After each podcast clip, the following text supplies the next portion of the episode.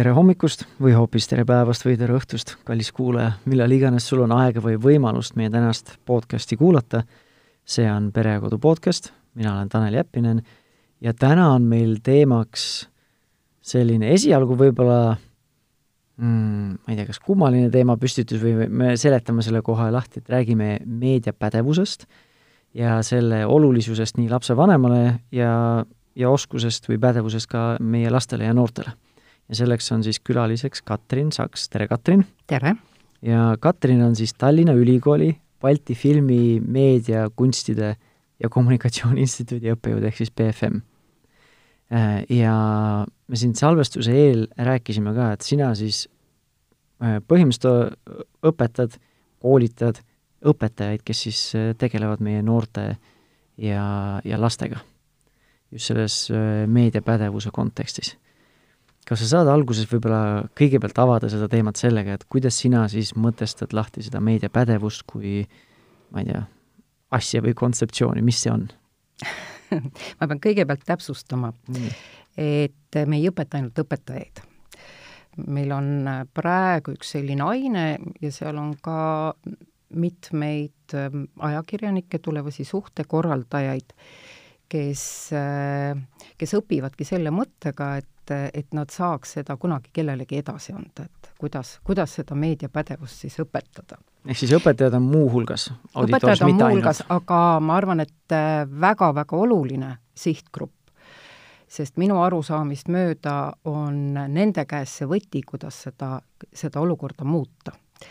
selle meediaga on ju selline kurb lugu, et äh, et tegelikult üks praeguse sajandi kõige olulisemaid kultuurivorme mis meedia on, see puudutab meid kõiki, see on kõik, see on kogu meie elu on sellest mõjutatud.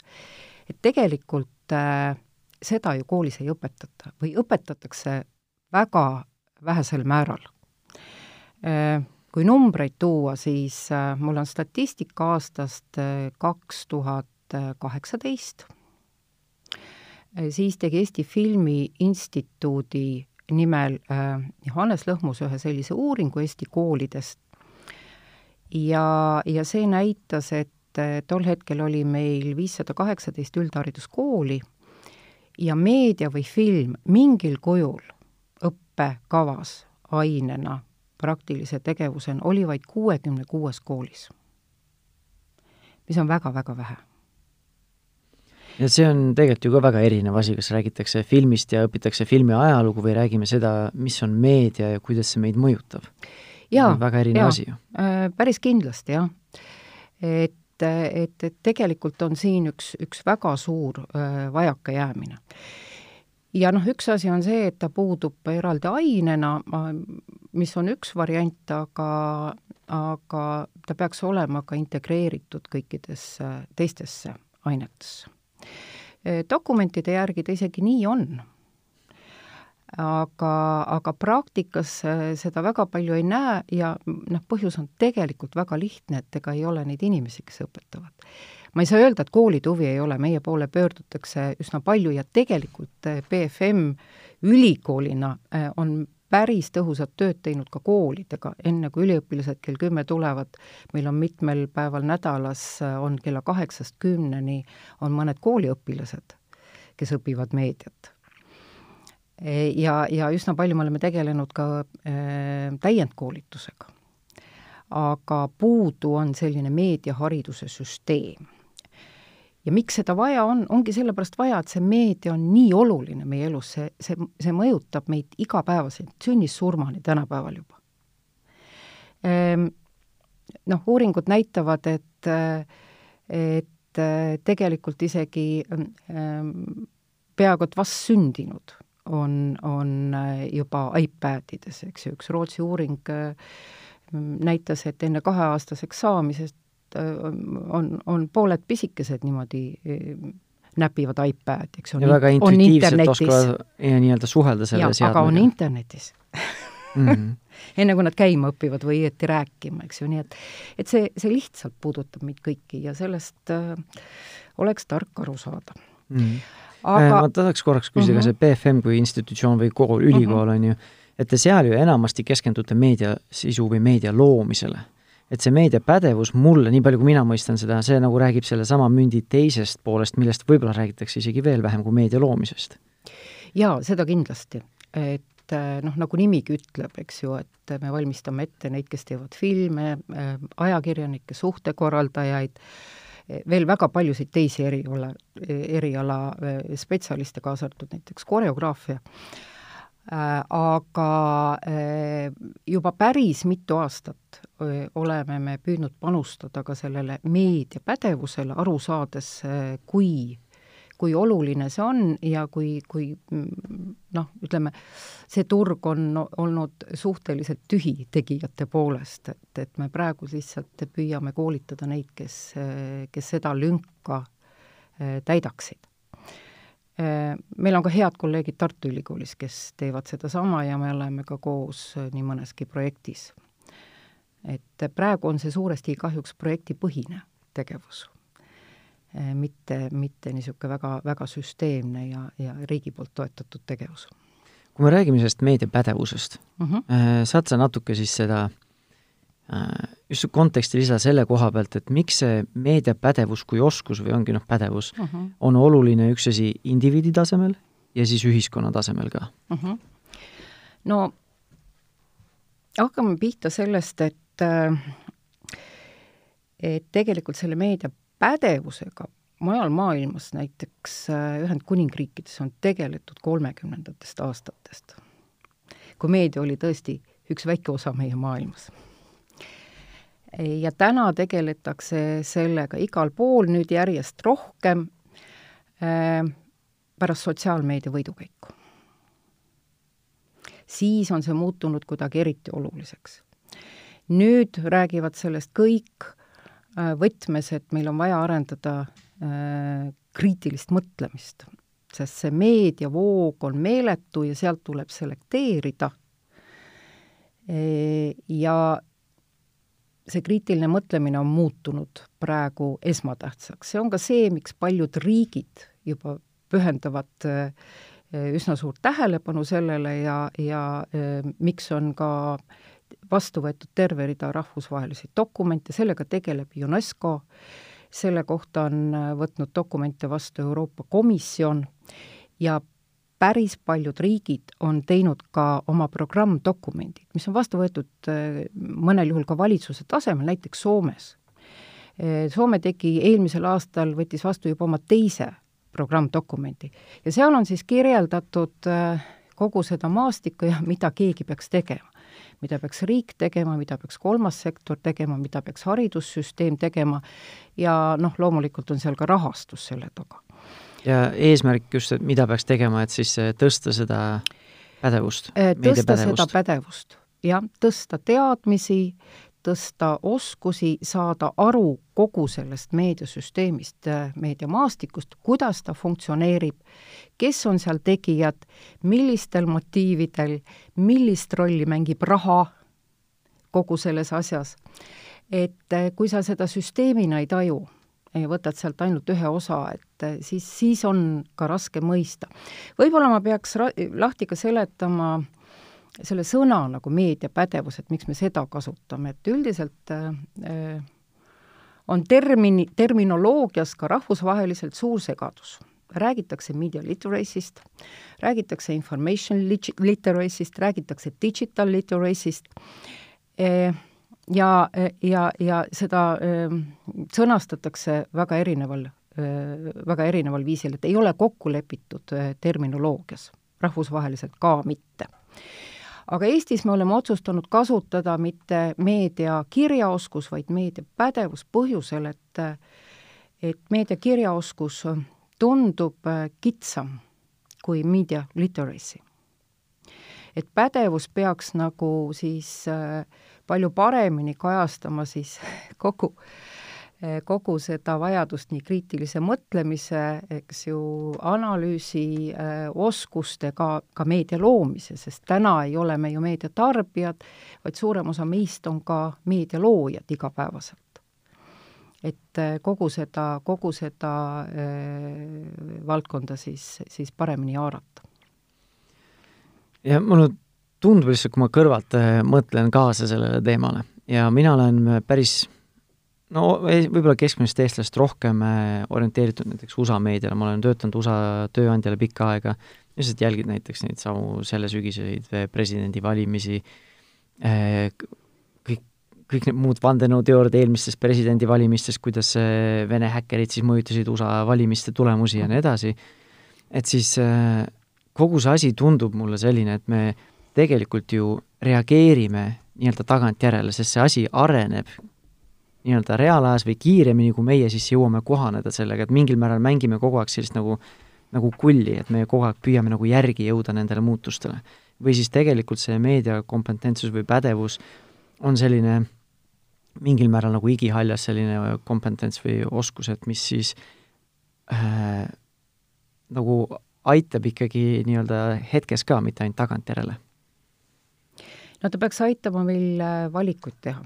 Aga nüüd ma jätsin vastamata su esimesele küsimusele, et miks riigi tasandil on oluline. või ühiskonna. või ühiskonna tasandil, eks ju, on oluline, rahva tasandil on oluline, on, on see, et äh, et me oleksime teadlikumad.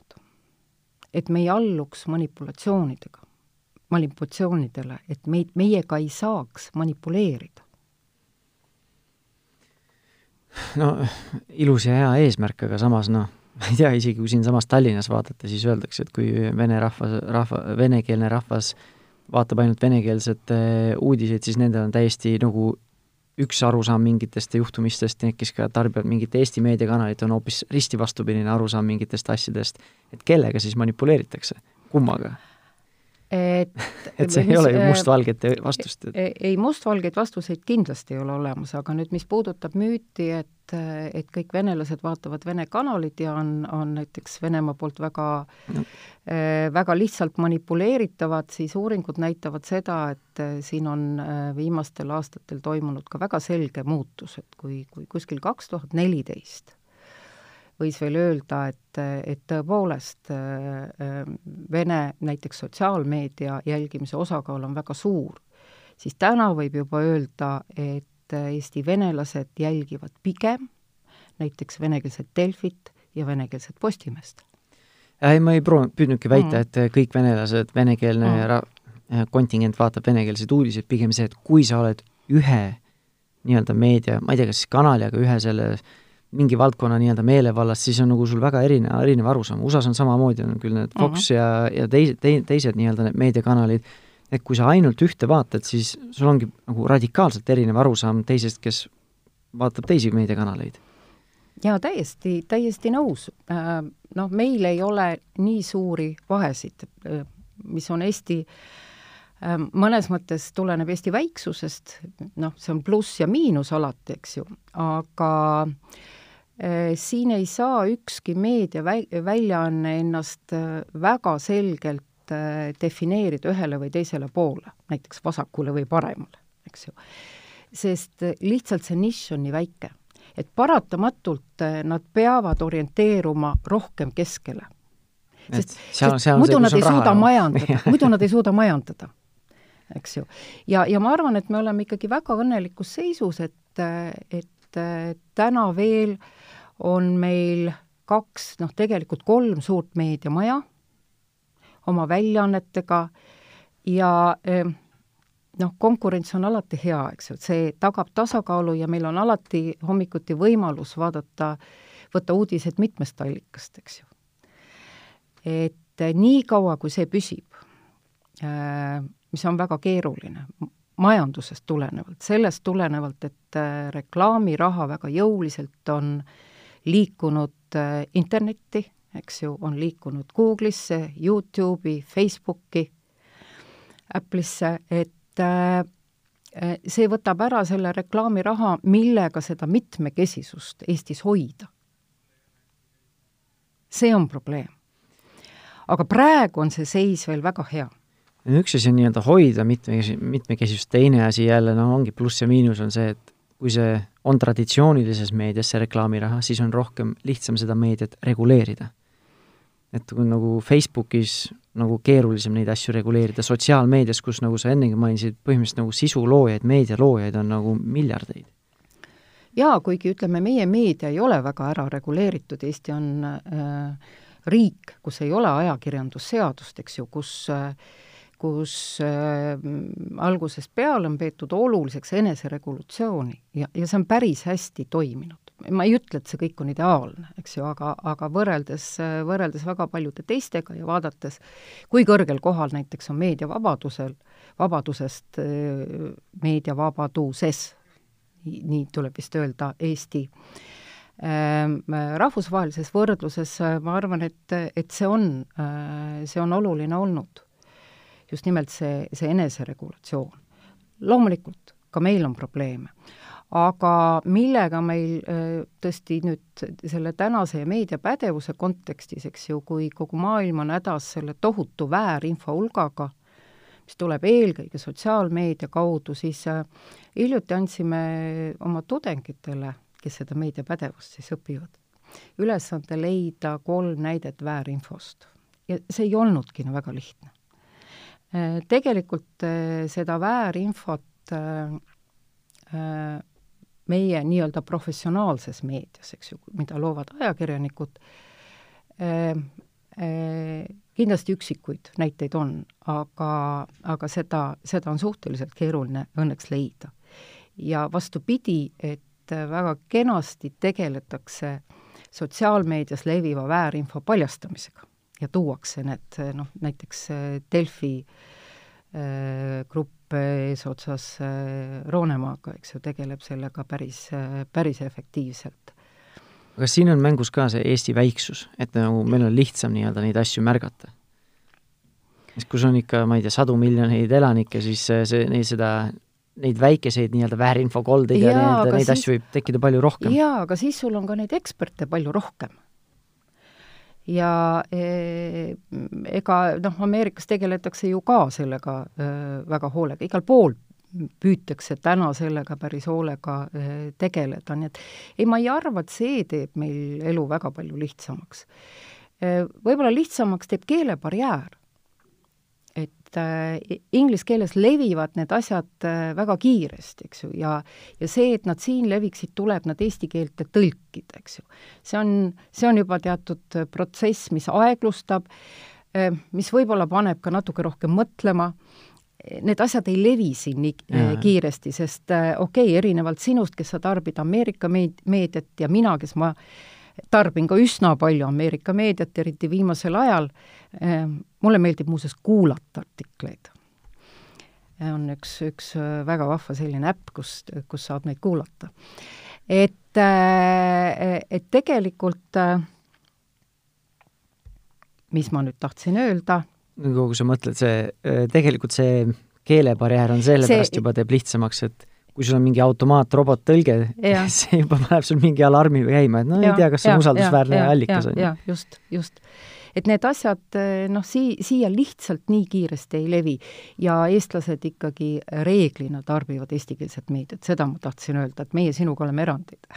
aga võtame just selle lapsevanema teema, et, et nüüd lapsevanemana, ole sa siis teismelise lapsevanem eh, või siis on sul eelkooliealised või algkooliealised, eh, sellest meediapädevusest, nendest võib-olla oskustest, kriitiline mõtlemine, analüüsimine, Äh, mida siis lapsevanem saaks sellest kaasa võtta iseendale ja teine asi siis nii-öelda oma lapse nii-öelda võib-olla esmasele õpetajale, et siis aitab lapsele asju konteksti panna või aitab lapsel mõista ja mõtestada neid asju. et mida me saame siis lapsevanematele kaasa anda tänasest vestlusest, et äh, nemad tunnevad, et reaalselt tegelikult siit oli midagi õppida ja kaasa võtta? Noh, mulle tundub, et lapsevanemad võiksid kõigepealt kriitiliselt analüüsida iseenda meediatarbimist Äh, kui sa ikka kogu aeg istud nutitelefon käes ja iga niimoodi helina peale, eks ju, kipud vaatama, mis seal olulist on, siis ei maksa arvata, et su laps kuidagi teisiti käituma hakkab. Et äh, see noh, enda käitumise eeskuju, ma arvan, on ääretult oluline jube lihtne on niimoodi õpetada, et noh, vaata oma lapsega koos uudiseid ja analüüsi ja noh, see on see, mida õpik ütleb, eks ju. et räägi talle allikatest, näita talle erinevaid allikaid, noh, mis on nagu kõige oluline, et su esmane valik, eks ju, et kust sa neid uudiseid tarbid. Noh, me teame ju, et noored, eks ju, vanuses viisteist kuni kakskümmend neli, neli, nende esmane allikas ikkagi on sotsiaalmeedia, Facebook, see on, see on kõige suurem, maailma kõige suurem uudistekanal, eks ju. kuskil kaks koma kuus miljardit inimest tarbib pidevalt Facebooki noored järjest rohkem ka Instagrami, kuigi noh, Instagrami number ei ole nii suur, eks ju, väga suur on ka kahe miljardi kanti on Youtube'i number. Ja järjest kasvas äh, koroona ajal Whatsapp. ja põhjuseks peetakse seda, et, äh, et erinevalt Facebooki gruppidest, äh, seal on kinnised grupid, ja need võimaldasid muuseas eriti hästi levitada just igasugu väärinfot aga Whatsappi kasv oli möödunud kevadel, oli kuskil nelikümmend protsenti ja mõnes riigis, näiteks Hispaanias seitsekümmend protsenti. Ja meedia, eh, tähendab igasugune meedia tarbimine nii meelelahutuseks kui uudisteks kasvas koroona ajal või on kasvanud koroona ajal märkimisväärselt. no üks põhjus on just see, et inimestel on vähem alternatiive jah, ei, see on, see on täiesti arusaadav, eks ju, on, on õnneks kasvanud ka, ma ei tea, noh, loominguline tegevus äh, meedias no,. Eestis räägiti looduses veebimine kasvas just, näiteks. just, just. et ega see, see kõik ei ole ilmtingimata halb, eks ju, aga, aga pigem on jah küsimus äh, see, selles, et et kui teadlikult me kõike seda teeme, eks ju, et me ei, et me ei laseks nagu, nagu võimust võtta. mulle on väga meeldinud äh, ühe Rootsi psühhiaatri raamat, tal on kaks raamatut eesti keeles ilmunud, esimene oli vist Tugev aju, Anders Hansen, ja teine on Ekraaniaju ja soovitan kõigile lapsevanematele soojalt, seal on ka eraldi pealtükid pühendatud sellele, et eh, mida need ekraanid teie, teie lastega teevad. aga ta väga kenasti eh, selgitab selle fenomeni ära, et, et miks me käitume nii, eh, nagu me käitume. Ja noh, näiteks selle sama Facebooki fenomeni, sellega, et ta täidab kahte meie suurt vajadust. olla informeeritud sellest, mis meie ümber toimub eks ju, eelkõige noh, niisugune lähikonnas, eks ju, ja see on ju meile, ma ei tea, tuhandeid aastaid inimkonna alguses sisse programmeeritud, sest see on väga oluline osa ellujäämisest.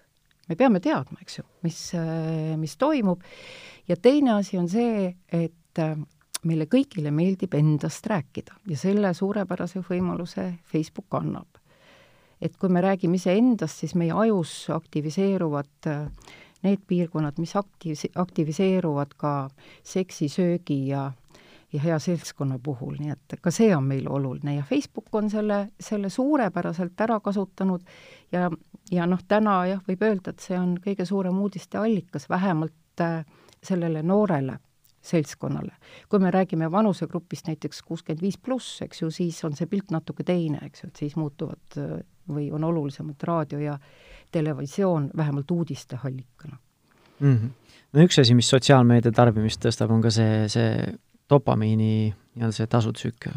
et alati lihtsalt lased pöidlaga ringi, et äkki nüüd tuleb midagi ägedat, äkki nüüd ja, tuleb midagi ja, huvitavat ja. ja kunagi ei tea, see ei ole see, et iga kolmanda selle pöidlatõmbega tuleb midagi mm. -hmm. see on täiesti nii-öelda varieeruv ja, ja see nii-öelda jätab ka meid sinna konksu otsa. ja sellest samast tasusüsteemist, eks ju, eh, Anders Hansen kirjutab ka väga kenasti, et, et ja üldse ilmselt... ja see, kui sina ütlesid ka, et see tänapäeva meedia on nii palju muud, mu-, mõjud, muutunud, et kui paar kümnendit tagasi on see, et mina, minu meedia tarbimine oli see, et ma istusin tugitooli või noh, mina ei istunud, siis ma olin liiga väike, et seda teha, ja vaatasin, lugesin oma Õhtulehte, Postimeest, Päevalehte, mis iganes, panin ajalehe kinni ja siis ma ei olnud enam meedia meelevallas.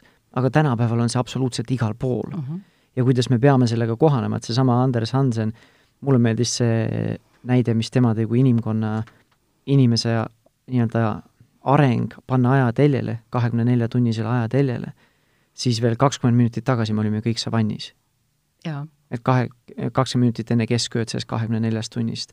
ja see infoajastu on viimased kümnendikud ainult sellest kahekümne nelja tunnisest ajateljest al-, alustanud ja ja see on, minule annabki nagu selle nagu teadmise, et tegelikult me lihtsalt, me oleme siiamaani lihtsalt kohaneme, kõik see on muutunud meie igapäevaeluks, nii et me ei mõtlegi enam sellele, aga tegelikult see on nagu nii murdväike osa meie arengust, et kuidas tegelikult aju alles õpib kohanema ja, sellele sisendile. just see, mis ta ütles, et aga aju on arenenud meil äh, või kujunenud olema kütt ja korilane, eks ja. ju. mitte kakskümmend neli H meediatarbija või isegi kui vaadata noorte meediatarbimist, et see on ju rohkem kui kakskümmend neli H, eks ju, sest nad paralleelselt ju tarbivad veel mitut asja, nii et et äh, need meediatarbimise uuringud tihti näitavad äh, suuremat tundide arvu, kui ööpäevas ongi, eks ju.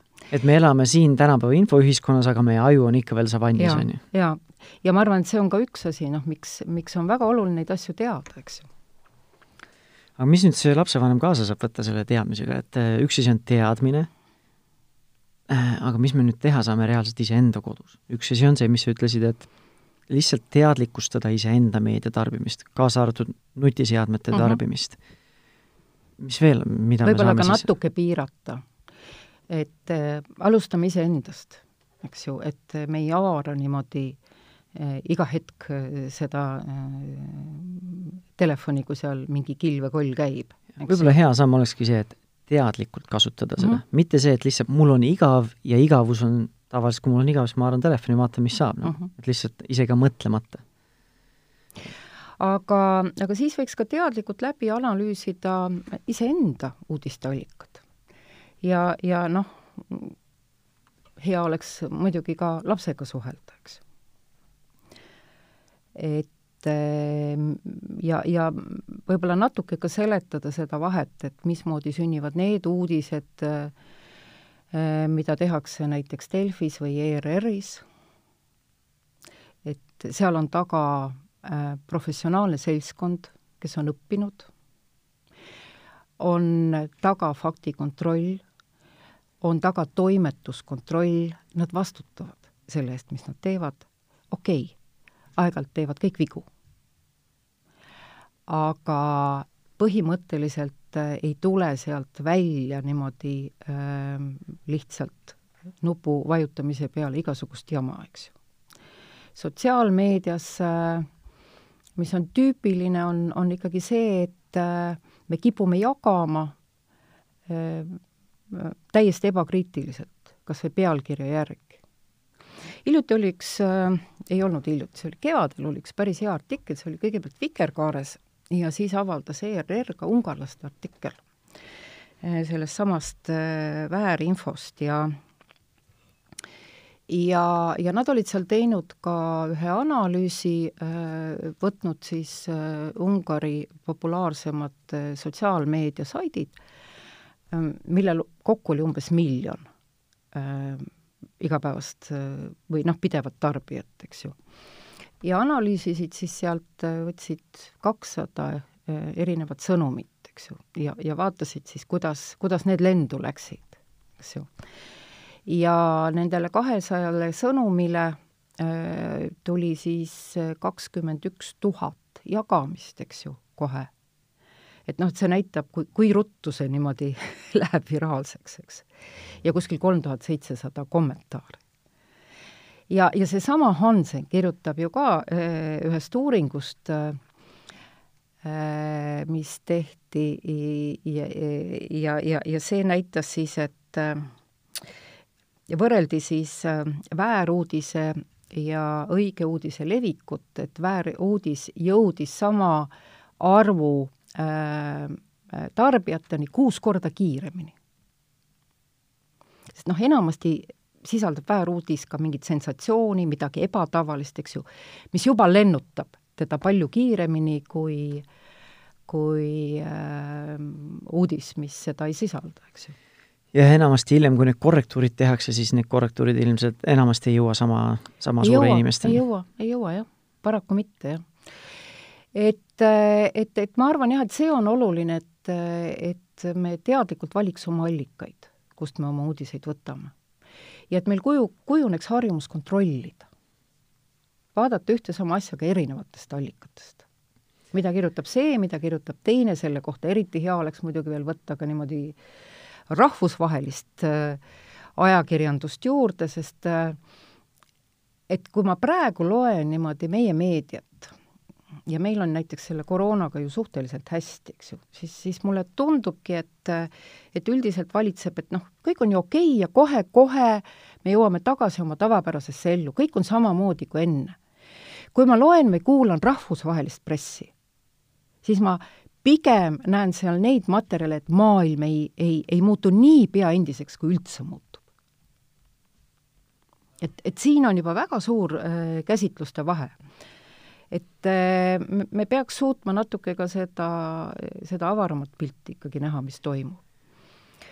ja noh, mis veel, ma ei oskagi öelda, et, et see oleks nüüd äh, no enne, kui me tegelikult edasi liigume, siis mis mina kuulen, on see, et põhimõtteliselt on see isiklik vastutus. vastutada selle eest, mida, mida ma nagu, et ma ei tarbi nii-öelda mõ-, mõtlemata, vaid ise nagu otsustan, vaatan teadlikult, mida ma siis nagu usun. aga samas äh, siis tuleks nagu kohe selline vastuütle-, ütlus ka, et nagu kellel selleks aega on et see nagu mingil määral oli nagu lihtne nagu, ma ei ütle, et see on parem variant, aga lihtne ongi, et üks allikas ütleb, nii on, see on tõde, lihtne on olla lihtsalt see järgija. et noh, nii on, järelikult on ja ei hakka üldse kahtlema milleski.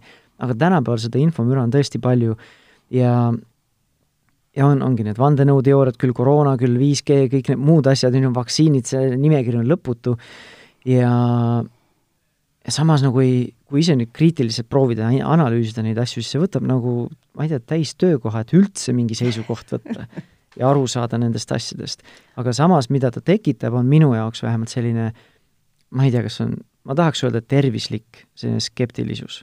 et ma ei, et ei taha nagu pimesi uskuda ühtegi allikat. et see, ma arvan, et on nagu positiivne nähtus, aga samas no nagu reaalsuses on see, et enamus inimestel on vaja tööd teha, et leibla oleks laual ja meil ei ole seda, neid ressursse, võib-olla puuduvad ka oskused või tähelepanu, võime, võimekus või harjumus tähelepanu juhtuda, juhtida mingitele asjadele, et siis ma ei tea, siis kas näha läbi või näha seda, mida võib-olla sina siis professionaalina näed, on ju? no ega see nüüd ei ole nii, et me peame iga päev kõik teemad läbi töötama, eks ju no,. absoluutselt äh, igat teemat tõenäoliselt ei ole mõtet teha. võiks nüüd teha niimoodi stopi ja läbi analüüsida noh, väljaanded, mida ma tarbin, eks ju, ja valida nendest siis välja, mis mulle tunduvad kõige usaldusväärsemad. üldiselt eestlased muuseas usaldavad meediat äh, keskmisest rohkem kui näiteks Euroopa Liidus keskmiselt. nii trükiajakirjandust kui raadiot kui, kui televisiooni, eks ju.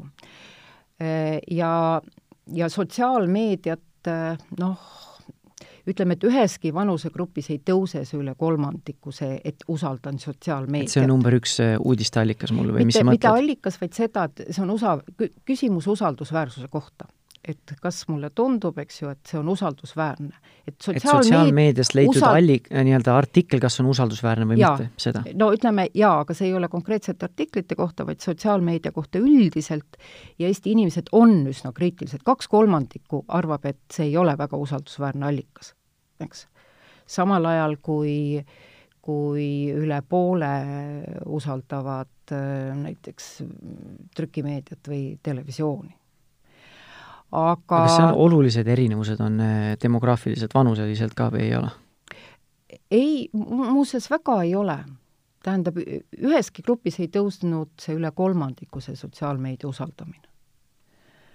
et suuremad vahed on näiteks eh, televiisori vaatamises või raadio kuulamises vanusegrupiti, eks et, et vaatamata sellele, et need noored inimesed seda palju tarbivad, eks ju, noh, ei, ei, ei ole ka, ka päris kindel, et nad nüüd kõike seda puhta kullana võtab, mis sealt no sotsiaalmeediat enamasti tarbita nagu uudiste jaoks, see on pigem mingi keskkond, kus ma saan siis oma elu jagada, nagu sa rääkisid, on ju, või siis vaadata, mis lähedastel toimub ja siis need uudised ja need muud signaalid, mis võib-olla alateadvusse kohale jõuavad, need on lihtsalt sinna vahele pikitud. jaa, aga noh, e-, e-, ega nad uudiseid, noored inimesed uudiseid eraldi kuskilt ei loe, ega nad ei lähe Delfisse, eks ju, või, või ERR-i uudiseid otsima või või ei vaata õhtul Aktuaalset kaamerat, eks ju mm. -hmm.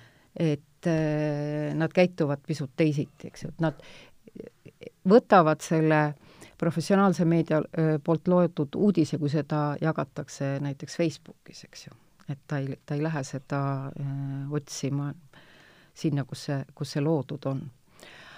aga, aga mida, noh, ütleme, et üks oskus, mis võiks meil kõigil ka olla, on ikkagi, ikkagi see, et me anname endale aru, et mis on faktid, mis on arvamused. no kahetsusväärselt tuleb tunnistada, et see on ka meie meedia, professionaalse meedia probleem, et nad eh, tihtipeale miksivad neid, eks ju, et ei, ei ole väga selgesti eristatud äh, faktid ja arvamused, ajakirjanikud uudisloos kipuvad ka hinnanguid andma, oma arvamust avaldama no arvamustega on lihtsam tähelepanu ka saada ja nii-öelda seda ja. uudiskünnist ületada kui faktidega. jaa, sest seesama professionaalne meedia peab kogu aeg konkureerima, eks ju, selle sotsiaalmeediaga, et et üldse endale tähelepanu saada, et et seda, seda saab nii seletada, aga ma ei saa kuidagi öelda, et see väga hea oleks, eks ju, et kui ma loen uudist, siis ma tahan saada fakti, eks ju.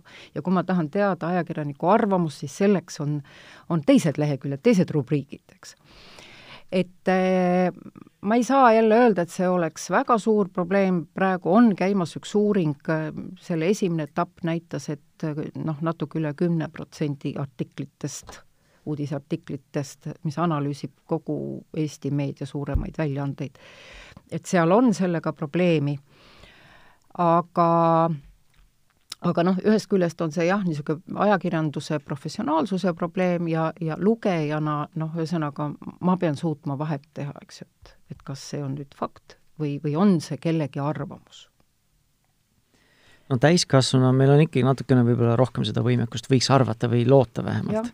Aga kuidas me saame siis äh, aidata oma äh, võsukestel, oma lastel orienteeruda selles meediamaastikus, kus nemad võib-olla on sünnist saati selles keskkonnas, kus on, sa oled nagu ümbritsetud peaaegu sünnist saati selles keskkonnas mm. -hmm.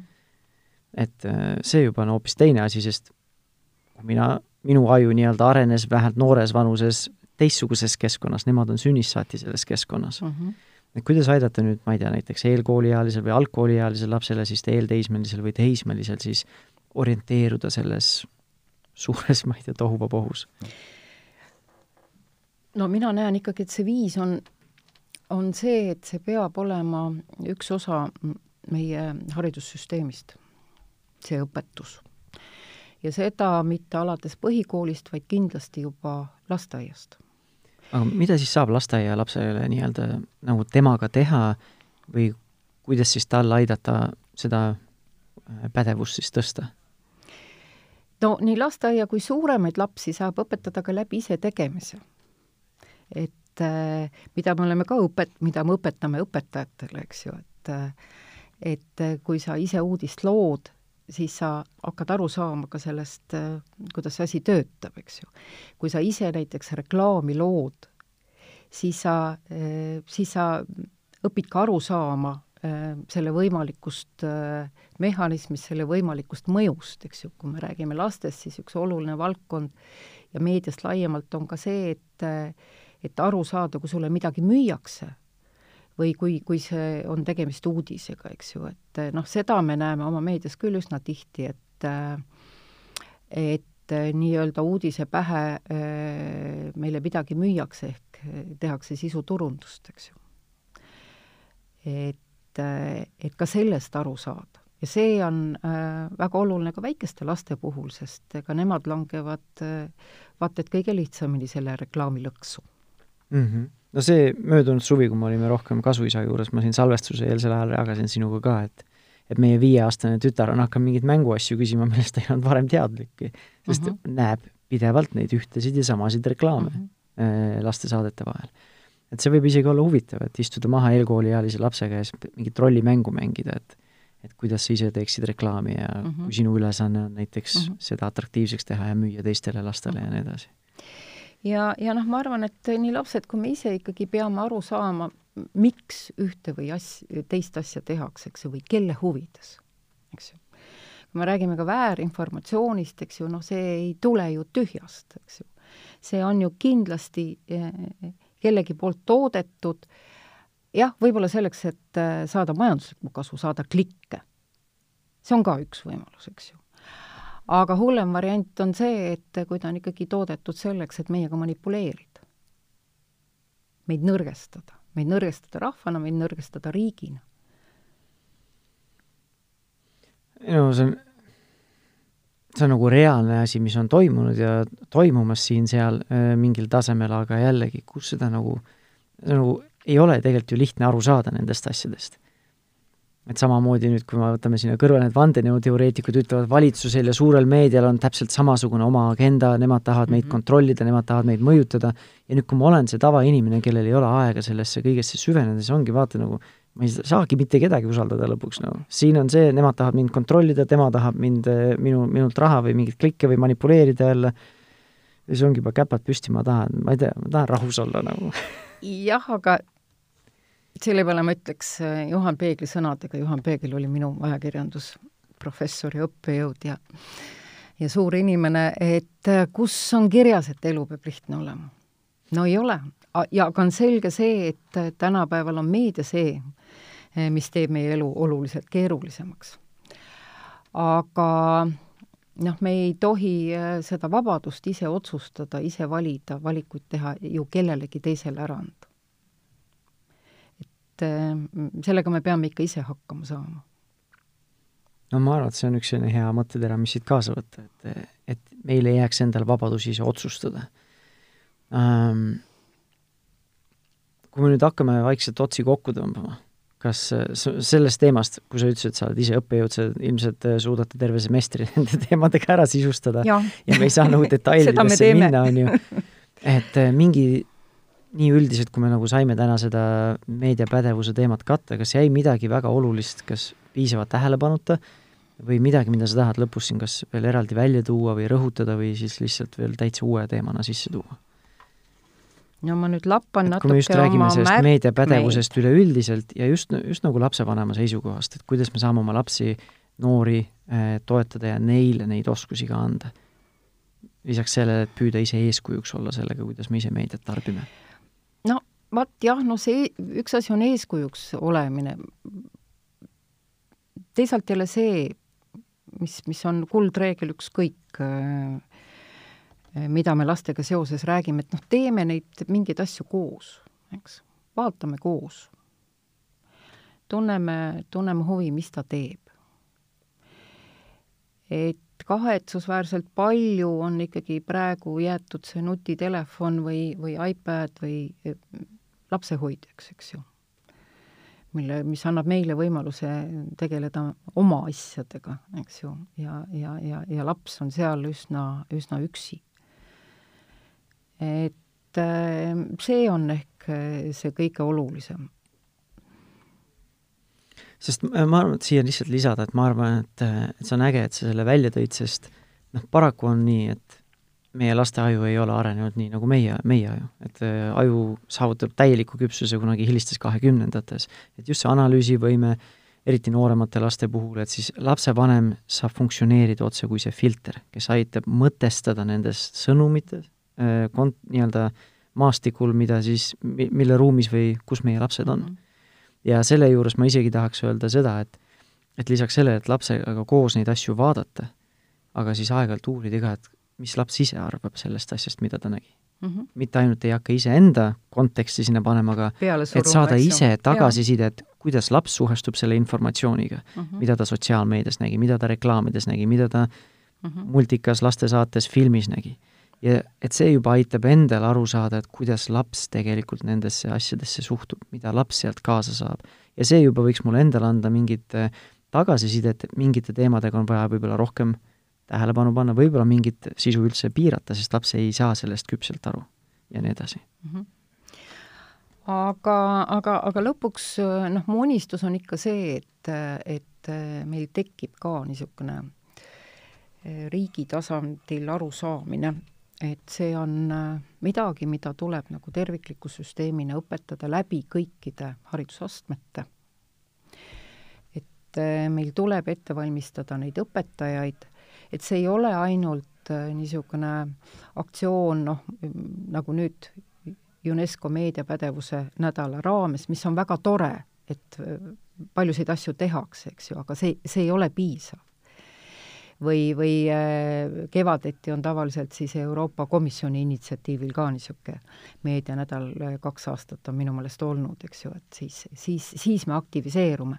aga hästi on see, et, et tõepoolest järjest rohkem õpetajaid on huvitatud, meil on juba natukene ka eestikeelset kirjandust olemas, ka koolidele äh, ilmus üks, üks õpik Alar Tankler koostas ja, ja, ja meil on endal ühe projekti raames, me kavatseme õppematerjale tõlkida. nii et äh, asi tasapisi liigub. vahva, mida sa ütled nüüd nendele äh, vanematele või inimestele, kes kuulavad ja see tegelikult, see teema on neile paeluv, aga neil ei ole ressurssi või võimalust tulla nüüd äh, BFM-i, ma ei tea, semestrit või kaks õppima tulla seda ja koolipinki nühkima. et oskad sa neile mingeid suuniseid anda või kuidagigi neid juhatada selles, selles valdkonnas um,? ma arvan, et kõige olulisem on see, et ei mineta oma kriitilist mõtlemist ükskõik, mida te meedia puhul jälgite.